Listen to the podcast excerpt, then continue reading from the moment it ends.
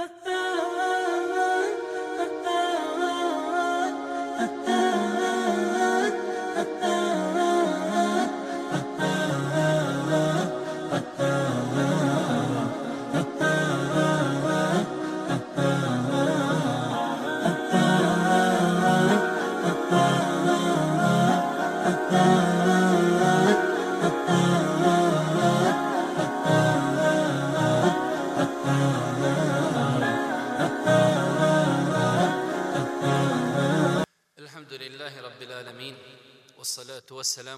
أشرف الأنبياء والمرسلين نبينا محمد وعلى آله وصحبه ومن تبعهم بإحسان إلى يوم الدين ثم أما بعد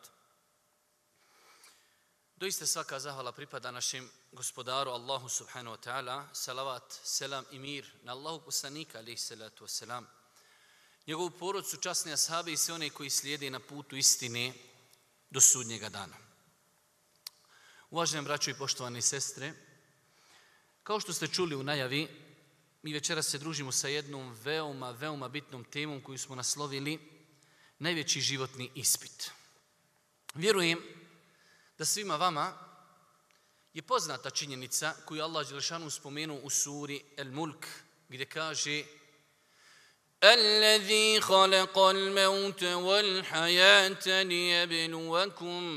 لِيَبْلُوَكُمْ Allah je stvorio život i stvorio je smrt da bi vas iskušao ko će se bolje ponašati. Kaže Imam Ibn Kathir, rahmetullahi alihi, u komentaru ovog ajeta, ne kaže Allah Đelešanu ko će više dijela uraditi, jer u islamu se ne gleda kvantitet, već ko će bolje se ponašati, čija dijela će biti sa više iskrenosti, sa više srčanosti i čija djela će biti bolja kod Allaha subhanu wa ta'ala. Govorimo o najvećem životnom ispitu. Jeste li ikada čuli za ispit koji traje 50.000 godina? Jeste li ikada čuli za ispit nakon kojeg nema popravnog? Jeste li ikada čuli za ispit nakon kojeg će ljudi krenuti u jednom od dva pravca ili ka džennetu ili ka džehennemu.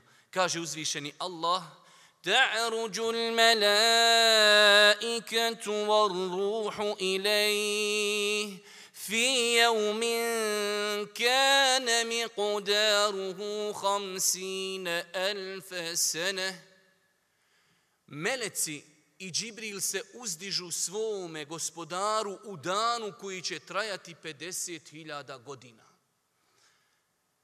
Da li ste ikad razmišljali o činjenici šta smo pripremili u za dan u kojem ćemo, braću moja draga, svi redom stajati pred svojim gospodarom i nećemo se pomaknuti jednog milimetra dok ne dadnemo odgovor na četiri stvari, kaže Allah poslanik alihi salatu wasalam, neće se čovjek pomjeriti ispred svoga gospodara dok ne odgovori šta je uradio u životu sveobuhvatno, cijeli život, dok ne odgovori o svojim dijelima, šta je radio, dok ne odgovori o svome imetku, kako ga je stekao i gdje ga je trošio i dok ne odgovori za svoje tijelo.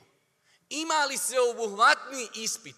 Traje 50.000 godina, bit ćeš pitan o svakoj sekundi svoga života, bit ćeš pitan o svojim dijelima, bit ćeš pitan o svome tijelu, i bit ćeš pitan o svome imetku.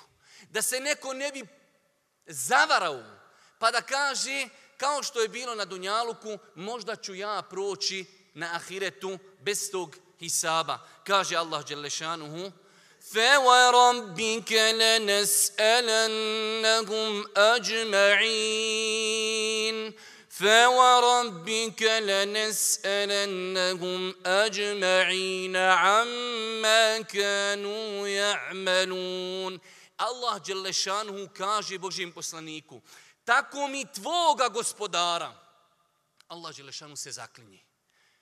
A nema potrebe da se zaklinje jer je njegov govor najveća istina, ali se zaklinje zbog bitnosti onoga što će reći.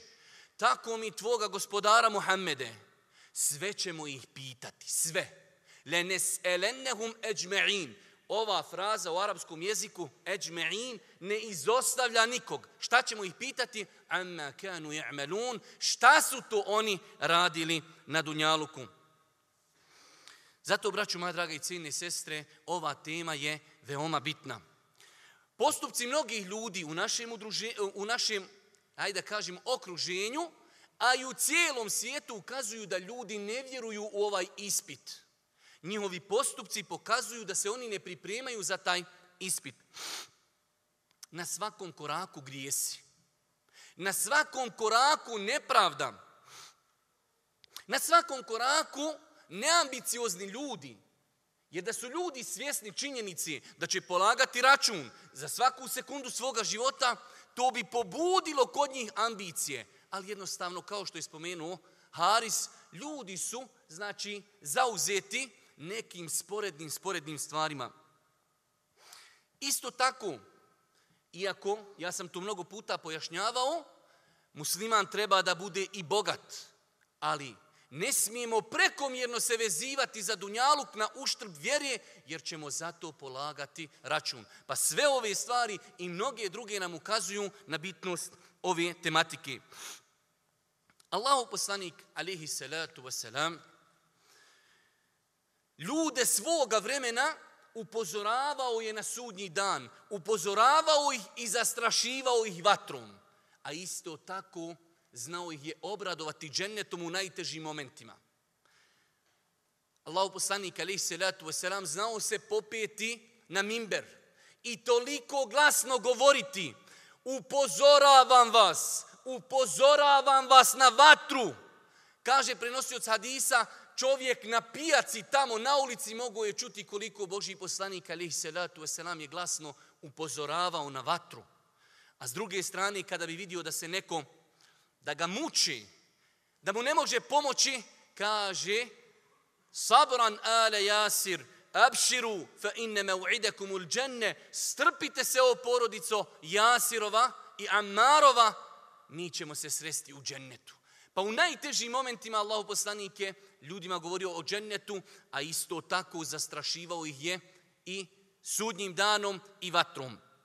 Allah Đelšanhu u Kur'anu u mnogo, mnogo ajeta, naročito u surama koji su objavljene u Meki, govori o sudnjem danu zbog bitnosti te tematike. Pa ćemo mi, braću, moja draga i cijene sestre, nešto ukratko progovoriti o tom najvećem ispitu. Prva stvar, pošto imamo nerijetko putem interneta i medija neke proračune, sudnji dan će tada, sudnji dan će tada, treba da znate da taj veliki ispit niko ne zna kada će biti.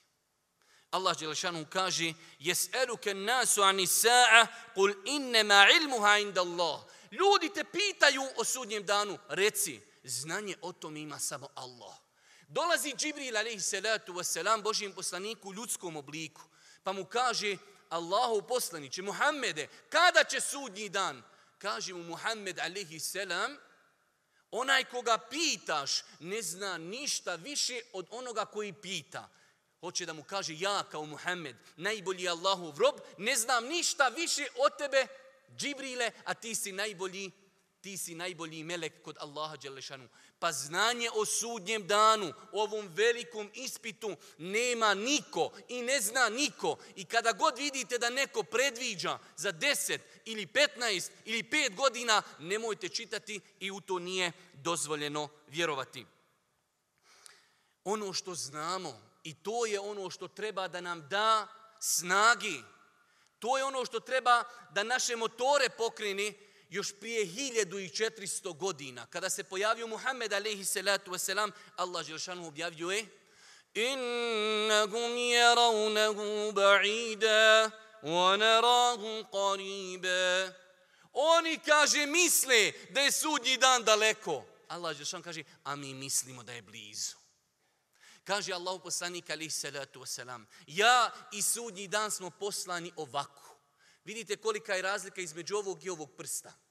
Pa je Boži poslanik pokazao, ja i sudnji dan smo poslani ovako ukazujući na blizinu sudnjega dana. Svakako, ako ne znamo kada će nastupiti, a znamo da je blizu, zar nas to ne treba motivisati da se svakog dana preispitujemo šta smo spremili za sudnji dan. Ovaj sudnji dan i ovaj najveći životni ispit počeće sa puhanjem u rog.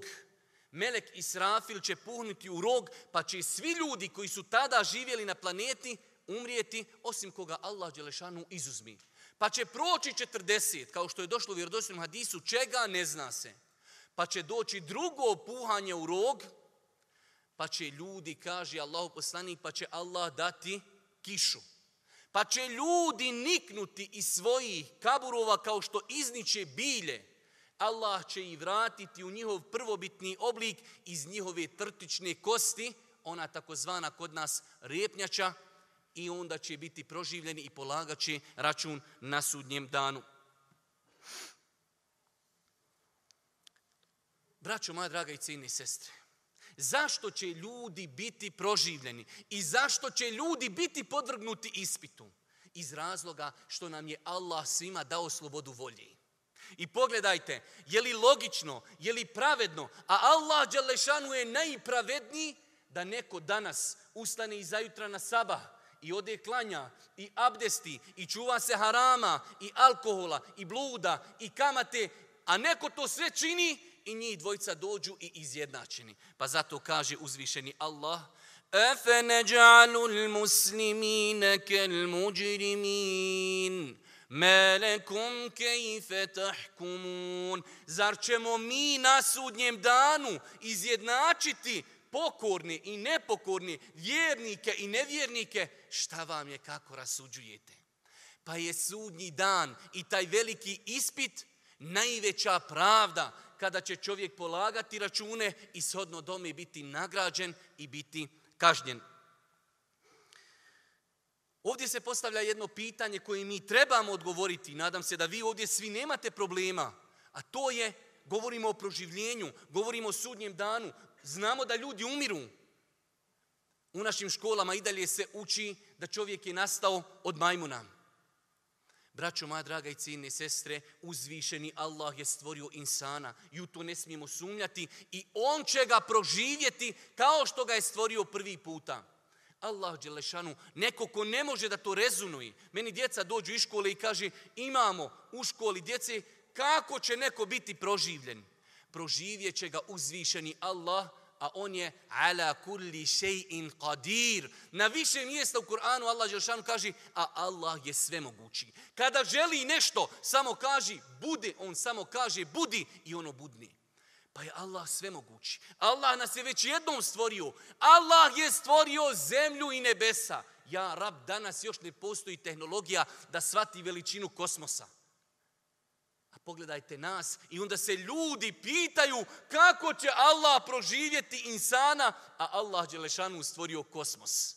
Pa Allah Đelešanu nas je jednom stvorio, on će nas ponovo stvoriti. Allah je stvorio zemlju i nebesa, pa mnogo je lakše stvoriti insana. Isto tako,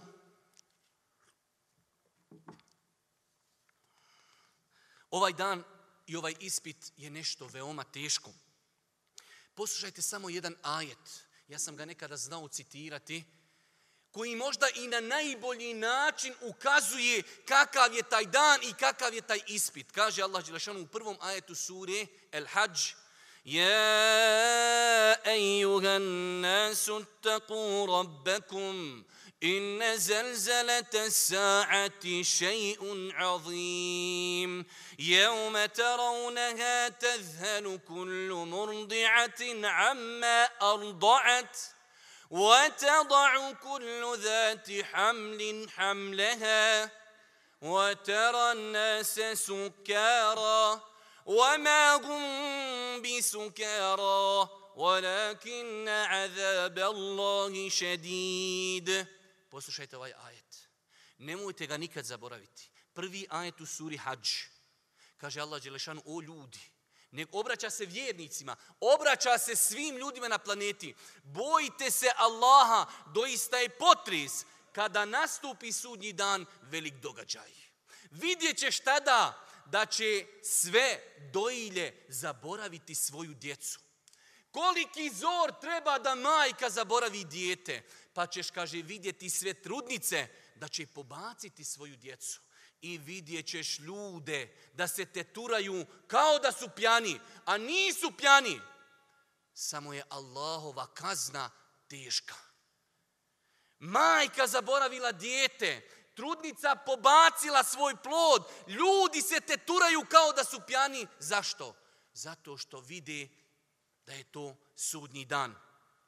Isto tako, u hadisu Aisha radijallahu ta'ala stoji, kaže Boži poslanik nam je rekao jednog dana, ljudi na sudnjem danu će biti proživljeni sa tri svojstva. Biće neobrezani, biće bosi i biće goli. Pa Aisha razmišlja još kako? Dunjalučkim razmišljanjima. Pa kaže Allahu poslaniće, muškarci i žene na jednom mjestu? Kaže Allahu poslanik alaihi salatu wasalam, Iša situacija je mnogo teža da bi nekom palo na pamet da gleda u nekog. Možemo li mi to danas zamisliti? Nemoguće ali možemo shvatiti da je to istina od Božih poslanika i da je toliko težak taj dan da će ljudi toliko osjetiti tegobu da će kazati nek počne sudnji dan, makar završi u džehennemu. Toliko težak dan. U tom danu, braćo moja draga, Insan, se, insan će bježati, o tome smo više puta govorili, od najbližih osoba, od svoga djeteta, od svoje suprugi, od svoga oca, od svoje suprugi. I ne samo to, kaže Allah Đelešanu, nehum, je uaddu muđrimu leu jeftedi. wa sahibetihi wa ahi, wa fasiletihi leti tu'vi, wa men fil ardi džemi'an, thumme yunđih, kaže Allah Đelešanu, opisujući taj teški ispit. Nevjernik bi tog dana jedva dočekao da se iskupi patnje svojim sinovima. Čovjek kaže, eto sinovi, sam da se ja spasim. Svojom ženom, svojim bratom, svojom porodicom. I znate na kraju šta kaže? fil Dao bi čovjek sve ljude na planeti. Kaže, vodite sve samo gdje da se ja spasim. Kella A, kaže u pitanju je džehennem. Zato, braću moja draga i cijene sestre, čitati ove ajete, razmišljati o njima, vidjeti šta je insan pripremio za taj teški dan. Insan, kada govori o ovom danu i ovom teškom ispitu, ne može da ne spomene, ljudi kada budu proživljeni, polagat će teške račune. U vjerodostojnom hadisu je došlo da će se čovjeku pokazati 99 njegovih životnih registara. Mi muslimani vjerujemo. Ma jelfidhu min qavlin illa ledejhi raqibun atid. Oni ne kažu ni jednu riječ, a da i naši meleki ne zapišu. Pa kaže Allah poslanik, doći će se čovjeku na sudnjem danu sa 99 životnih registara. Pa mu se kaže u suri El Isra, وكل إنسان ألزمناه طائره في عنقه ونخرج له يوم القيامة كتابا يلقاه منشورا اقرأ كتابك كفى بنفسك اليوم عليك حسيباً svakom insanu o vratu ćemo privezati njegovu životnu knjigu, ono što je radio. Pa ćemo mu kazati, čitaj svoju knjigu životnu. A vidjeli smo šta će čovjek u toj životnoj knjizi imati i na kakva pitanja će odgovarati. Moramo se spremiti za svaku sekundu. Boži poslanik je rekao, neće se čovjek pomjeriti dok ne odgovori na četiri stvari. Svoj život, vrijeme, ćemo pitani za svaku sekundu svoga vremena gdje smo ga proveli. Bićemo pitani za znanje. Koliko hudbi, koliko dersova, koliko knjiga, koliko informacija još iz Mejtefa znamo, ali ne živimo po njima. Bićemo pitani o imetku. Pogledajte danas.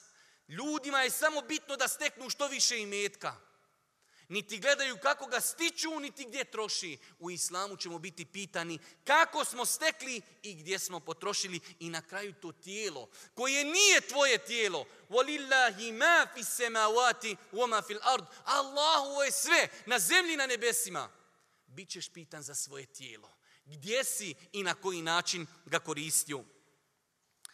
Bićemo pitanje o nijametima ćemo pitanje o blagodatima. Ovo što nam je Haris spomenuo. Imamo državu. Koliko ljudi na planeti razasuti po svijetu maštaju da imaju ono što mi imamo.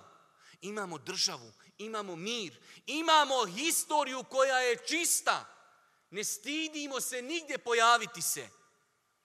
Pa ćemo biti pitanje o blagodatima. Kaže uzvišeni Allah, ثم لتسألن يومئذ عن النعيم i tog dana ćete biti pitani o blagodatima. Koliko je blagodati koje uživamo? Od zdravlja, od očiju, od ušiju, od blagostanja, od mira, od države i mnogo toga, od imana. Allah Đelešanu nas ovdje u ovoj dalekoj Bosni počastio imanom koji je možda uskraćen velikom broju ljudi u arapskom svijetu pa nas je Allah počastio, ali će nas sigurno i pitati.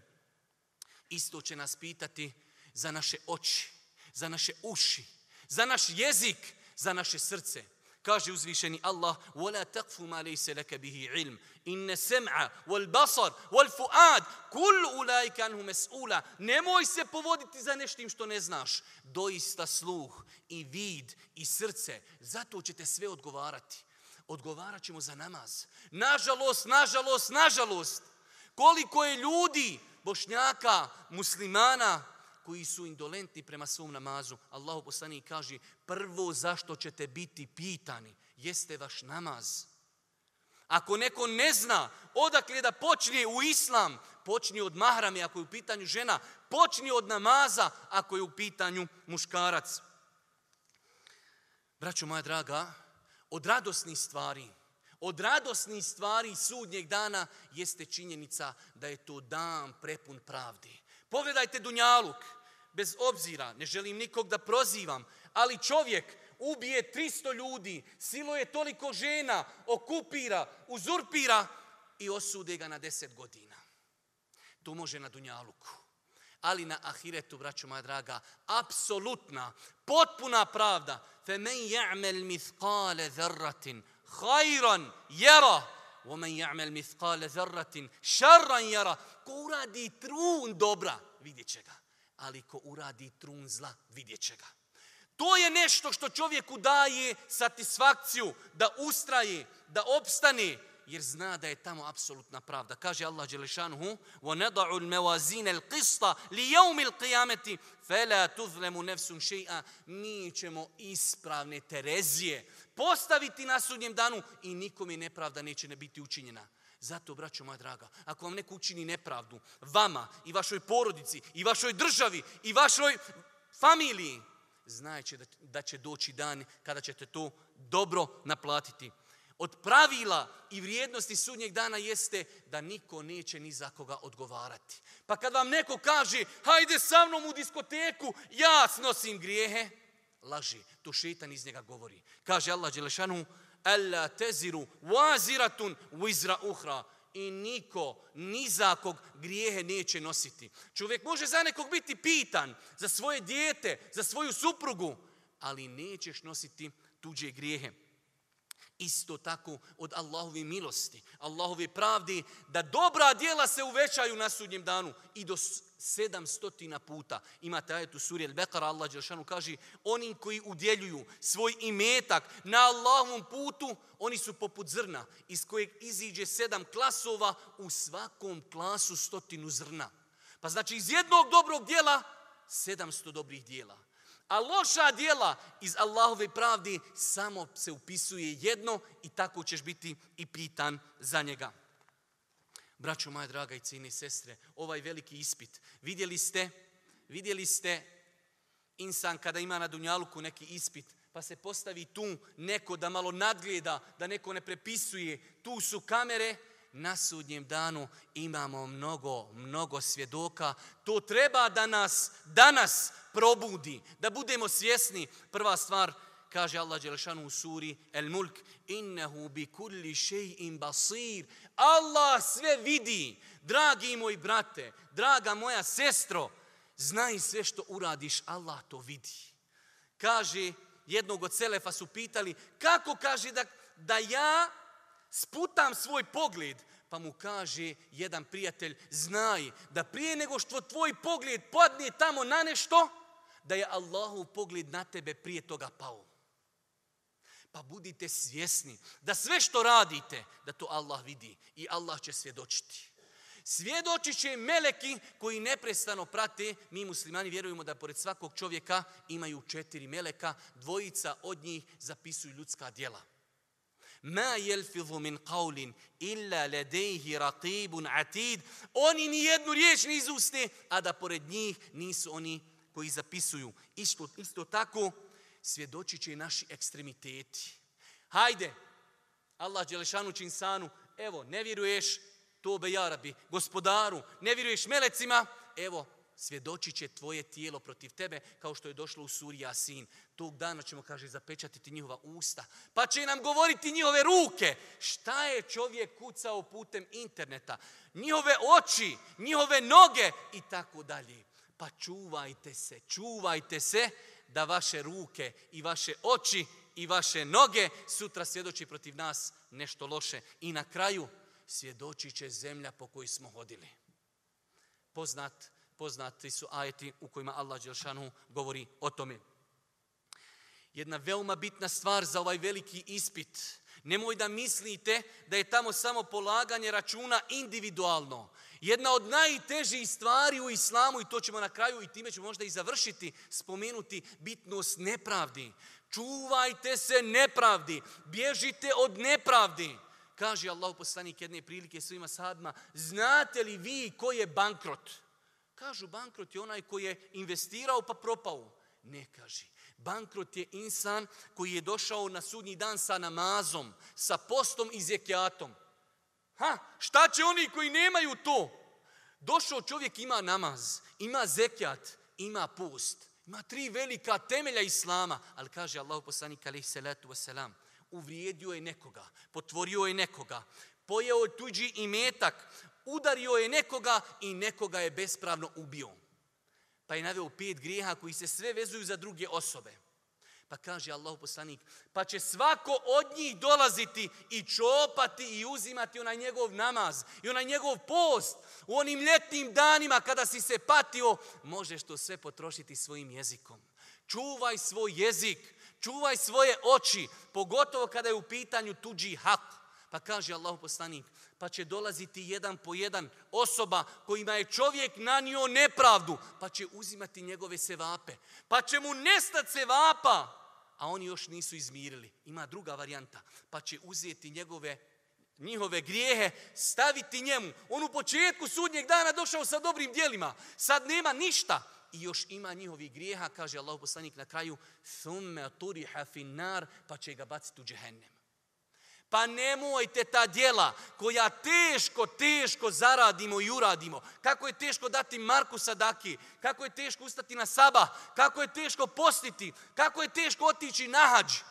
Čuvajte ta svoja djela da ih ne upropastite nepravdom koja se vezuje za druge ljude. Braćo moja draga i cijene sestre, nakon ovog velikog ispita, nakon ovog teškog dana, 50.000 godina, nema popravnog svjedočenje, polaganje ispita, vagaju se dijela, ljudi idu u jednom od dva pravca. Muslimani mogu, ako im dobra djela budu veća od loših, idu direktno u džennet. Nevjernici svakako direktno u džehennem imamo srednju kategoriju muslimani čija loša djela su bila teža od dobrih. Pa će ići u džehennem da naplate ono što su zgriješili pa će se nekad vratiti u džennet. Ali radi se o vječnosti. Pa ti kažu, Allah najbolje zna, primjer radi, ideš 800 godina da malo tamo izgoriš pa ćeš se vratiti. Jer je to ahiret. U pitanju je vječnost, a insan danas ne može staviti ruku na vrele plate na svome šporetu, a kaže Allah poslanik alaih salatu wasalam, džehennemska vatra je 70 puta teža od dunjalučke vatri.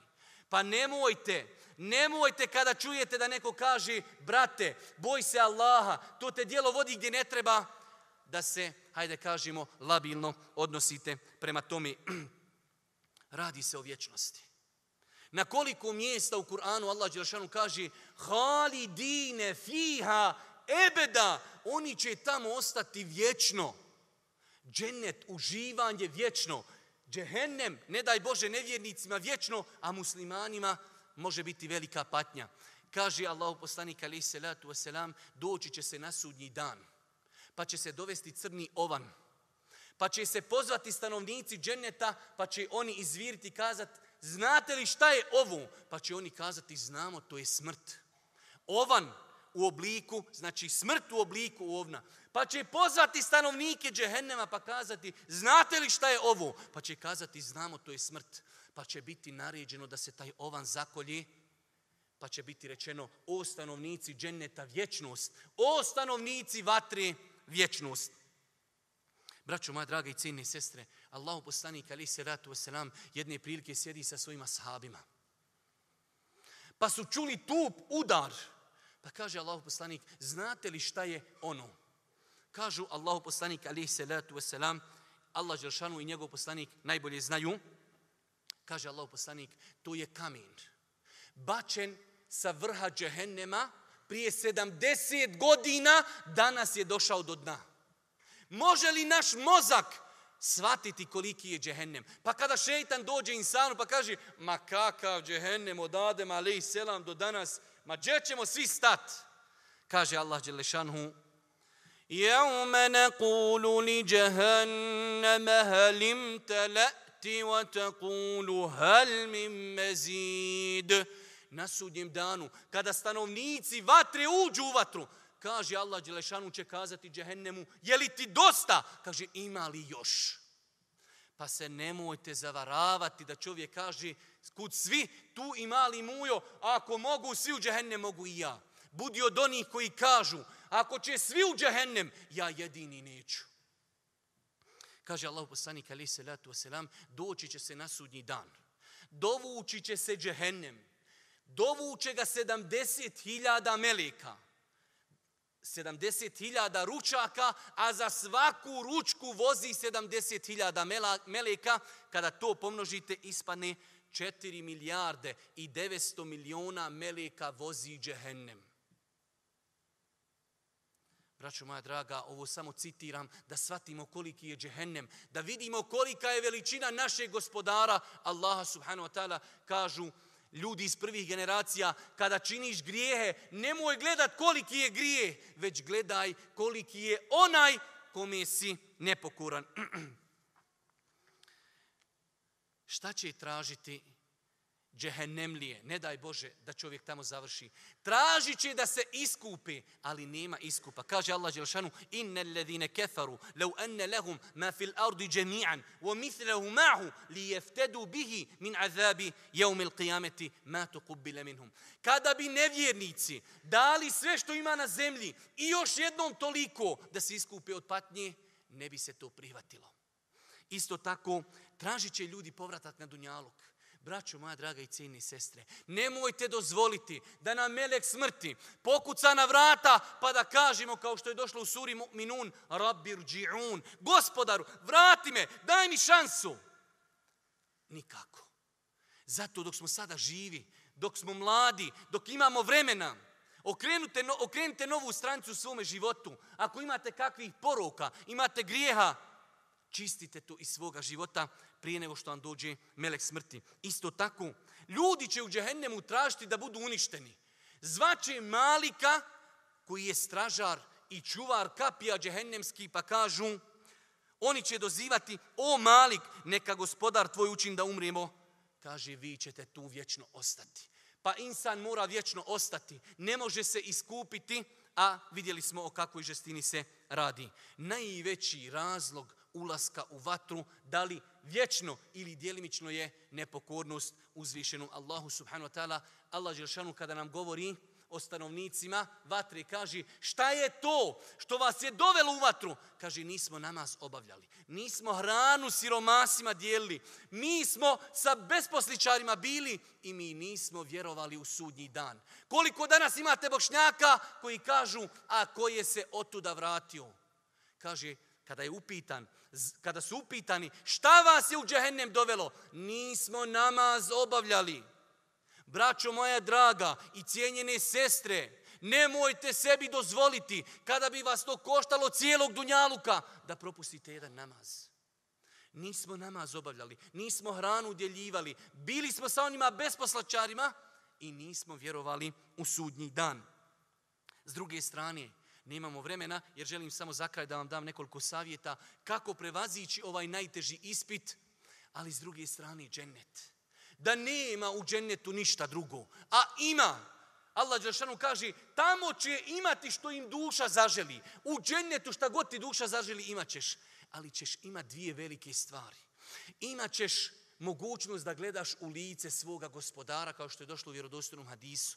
Imaćeš mogućnost da budeš u društvu sa Božim poslanikom. Allah poslanik kaže, Ti ćeš biti sa onima koje voliš. ومن يطع الله والرسول فاولئك مع الذين انعم الله عليهم من النبيين والصديقين والشهداء والصالحين وحسن اولئك رفيقا Oni koji budu pokorni Allahu i njegovom poslaniku, oni će biti sa šehidima, biće će sa pravednim, biće će sa vjerovjesnicima i biće će sa dobrim ljudima. Pa čovjek, tako mi Allaha, kada ne bi imao drugog razloga, osim da se potrudi na dunjaluku, da ostavi harame, da čini ono što je naređeno, da vidi lice svoga poslanika Muhammeda a.s. Da vidi Jusufa a.s. Da vidi Jakuba, da vidi Ibrahima, da vidi Musa, da vidi Isa a.s. I da sa njima sjedi. Da gleda u lice svoga gospodara Allaha subhanahu wa ta'ala. Za kraj, braću moja draga i cijene sestre, govor o ovom velikom danu, o ovom velikom ispitu, trebao bi da na nas ostavi neke tragove. Prva stvar, donošenje životnih odluka. Ja znam kako je ljudima, kako je ljudima kada hoće početi klanjati. Njemu šeitan toliko teškim prikaže namaz, nemoguće je pet puta danas klanjati. A milioni ljudi na planeti klanjaju redovno, ali njemu šeitan kaže nemoguće. Pa vjerovanje u sudnji dan olakšava čovjeku donošenje jakih odluka. Ženi teško donijeti odluku da će od sutra početi nošenje mahrami, ali se sjeti samo sudnjeg dana. Teško ostaviti porno filmove, teško ostaviti kladionice i tako dalje. Samo se sjetiti sudnjeg dana. Isto tako, čovjek znajući ove činjenice, ne vezuje se prekomjerno za dunjaluk. Zašto? Jer ništa neće ponijeti sa sobom. Sve ostaje isto tako. Braćo moja draga, govor o sudnjem danu čovjeka čini optimističnim. Zašto? Jer čovjek zna, ako nema nepravde ovdje, ima apsolutna pravda na sudnjem danu. Isto tako, čovjek koji ima cilj, kada znate, vidjeli ste primjer radi da imate čovjeka koji trči maraton. On zna gdje je njegov cilj. Mi muslimani znamo gdje je naš cilj. Da umrijemo na šehadetu, da umrimo kao muslimani, da umrimo kao pokorni. Zašto nevjernici u Europi, u Americi veoma često izvršavaju samoubistva? Ne vide kraj tunela, ne znaju zašto žive. Zato čovjek kada vjeruje u sudnji dan, on ima cilj za koji živi. Ima cilj, hoće da se pripremi za taj veliki ispit. Isto tako od stvari koje čovjek može da se okoristi jeste da ga budi to iz gafleta. Svi mi prolazimo u datom periodu kroz neki gaflet. Teško ustati na saba, teško učiti Kur'an, teško boriti pogled, teško dati zekijat, teško postiti i tako dalje. Ali kada insan čita ovom teškom ispitu, onda, onda ga to budi iz gafleta. Za kraj, deset savjeta po rečenicu samo. Kako, braću moja draga i cijene sestre, se pripremiti za ovaj veliki ispit. Volio bi da zapamtite, volio bi da zapišete, volio bi da pokušate ove stvari živjeti, iako ću, vidjet ćete da su lagane. Prva stvar, istinsko vjerovanje. Nema ništa teži, nema ništa bolji na sudnjem danu, na vagi dobrih dijela, da čovjek istinski vjeruje u Allaha Đelešanhu da vjeruje u neimanske šarte, da vjeruje u meleke, u poslanike, u sudnji dan, u kader i tako dalje. Pa ispravno vjerovanje je najteže dobro djelo s kojim čovjek može da dođe na sudnji dan. Ali ispravno vjerovanje. Mi nažalost imamo u našem narodu toliko neispravnih stvari vezani za vjerovanje. I ja sam to navodio i nekad smo se smijali od crnih mački, od strava, od turbeta i tako dalje. To je, braćo moja draga, veoma opasne stvari koje udaraju na čovjekovo vjerovanje u Allaha Đelešanu. Nakon toga, nakon vjerovanja maksimalno se truditi da čovjek bude pokoran za sve što čuje. Šta god da čuje čovjek, ovo je naređeno, znaj da ti je tvoj gospodar naredio samo zato što je u tebi hajr. Zato što je u tome tebi hajr. Nemoj da sumnjate da nešto što je nama zabranjeno, da to Allahu koristi. Allah zabranio blud. Treba li nekome tumačiti štete bluda? Allah zabranio kocku. Treba li nekome razumnom tumačiti štetu kocki? I tako dalje. Pa sve što ti je gospodar zabranio, tebi je u tome šteta. Sve što ti je naredio, budi duboko ubijeđen da je u tome tebi korist. I zato kada nešto čuješ, Allah naredio, samo se pokori. Isto tako, maksimalno se izbjegavajte grijeha koliko god možete, čuvajte se grijeha. Grijesi odvode od Allaha, grijesi mogu zapečati ljudsko srce, a s druge strane za njih treba polagati velike račune. Što više, nakon što čovjek vjeruje u Allaha, nakon što se pokori onim temeljnim principima Islama. Uvijek uzmite, počnite od najvećih stvari.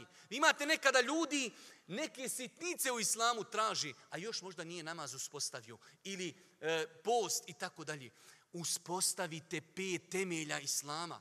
Dolazi Asa Božim poslaniku, se salatu wasalam, pa pita Allahu posliće, šta mi je gospodar naredio? Pa mu je Boži poslanik u onom dužim hadisu spomenuo namaz, post, hađ i zekjat. Samo obaveze, samo farzi. Kaže Allahu poslaniče, ako to budem činio, bez ikakvih nafila, šta će biti sa mnom? Kaže, bit ćeš dženetlija. Pa kaže Allahu poslanik kada je otišao, ko od vas želi da gleda u čovjeka dženetlju, ne gleda u ovoga. Znači, uspostavite temelje Islama. Počnite od najkrupnijih stvari. Uspostavite namaz, uspostavite post, uspostavite zekjat, ako imate mogućnosti da odete na hađ. Nakon toga, zbog grijeha koje čovjek čini, da čovjek ako može što više na fili, što može, što može. Ako čovjek ima dne problema s namazom, ima vjerodostojan hadis Boži poslanik kaže pogledajte u njegovu na filu da to udopuni one njegove propuste u namazu. Isto tako važi, važi za svaki ibadet. Pa u postu što više dobrovoljnog posta, u zekijatu što više sadaki, u hađu što više dobrovoljnog hađa i dobrovoljnih umri. Isto tako za ovaj ispit se pripremajte pokajanjem. Pokajanje je jedno formatiranje naše životne knjige. Hvala Allahu Đelešanu kad imamo tu mogućnost da formatiramo našu životnu knjigu. Pa čovjek kada se pokaje, njegovi grijesi se brišu, Nemojte sebi dozvoliti da naš šeitan zavarava. pokajaćeš se sutra, pokajaćeš se preko sutra, pokajaćeš kad završiš fakultet, kad odeš na hađ, kad se oženiš i tako dalje. Iskoristite priliku. Iskoristite priliku da se pokajimo Allahu Đelešanuhu, da ga sretnimo sa što manje grijeha u našoj životnoj knjizi. Pripremati se za ovaj teški ispit sa što više dovi. Allahu se poniziti što više. Ako nam Allah ne olakša polaganje računa, nema onoga ko nam može olakšati. Ako nam Allah oteža, nema onoga ko će nam olakšati. Zato, braću moja draga, što više dovi, ustanite u zadnjoj trećini noći, zaplaćite svome gospodaru, plačite, plačite, molite. Radi se o vječnosti. Tražite od Allah da vam olakša polaganje ispita na sudnjem danu. Isto tako, čuvajte se maksimalno nepravdi. Grijesi koji su prema Allahu čovjek kad se pokaje, to je završeno. Ako je teuba ispunila one uvjete, njemu je oprošteno. Ali kada učiniš nepravdu prema bratu muslimanu, ti se možeš pokajati prema Allahu, ali ostaje njegov hak za kojeg ćeš biti pitan na sudnjem danu. Kaže Allahu poslanik alaihi salatu wasalam, Muaz ibn Džebelu, kada ga je slao u Jemen, pa kada, ga, kada je podučio kako da poziva ljude u islam, kaže na kraju, o Muaze, Boj se dove mazluma. U jednom vjerodostojnom rivajetu je došlo maka taj mazlum bio nevjernik. Između njega i Allaha nema nikakve pregrade. Pogledajte ovog savršenstva Islama. Muslima ne može nepravdu nanijeti nevjerniku. Ne možeš nevjerniku prodati pokvareno auto da mu to ne kažeš. Ima li to igdje osim u Islamu? Ima li to igdje osim u Islamu? Zato se čuvajte nepravdi. Počevši od nepravde prema djeci, prema supruzi, nepravda supruge prema mužu, nepravda prema roditeljima, nepravda prema komšiji, nepravda prema rodbini i na kraju kralje i veća nepravda prema susjedima i gradovima i državama. Pa se čuvajte nepravdi. Sve što ne bi volio da neko čini tebi, nemoj niti to činiti drugima. Isto tako, zadnja tri savjeta, Čuvajte dobro svoj jezik. Boži poslanik alih salatu wasalam kaže, ko mi garantuje za jezik i ko mi garantuje za spolni organ, ja mu garantujem džennet.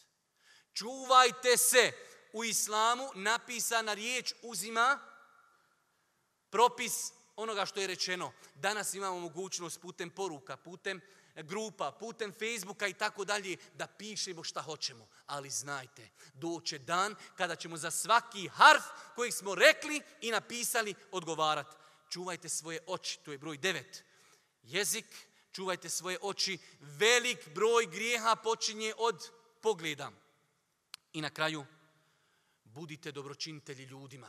Počnite od svojih roditelja. Budite dobročinitelji ljudima. Kaže Allahu poslanik alaih salatu wasalam, hajrun nasi anfa'uhum lin nas. Najbolji ljudi su oni ljudi koji najviše koriste ljudima oko sebe. Budite korisni članovi ovog društva. Gdje god vidite priliku, pokušajte da uradite hajr. Sklonite papir s puta. Sklonite koru od banane s puta budite korisni članovi ovog društva. Gdje god vidite priliku da potpadnete pod ovaj hadis Boži poslanika alaih salatu wasalam, hajrun nasi enfe'uhum nas, najbolji ljudi su oni koji najviše ljudima koriste Nelogično je da budeš dobar komšijama i budeš dobar tamo nekom dalje, a nisi dobar svome ocu i svojoj majci i svojoj supruzi i svojoj djeci.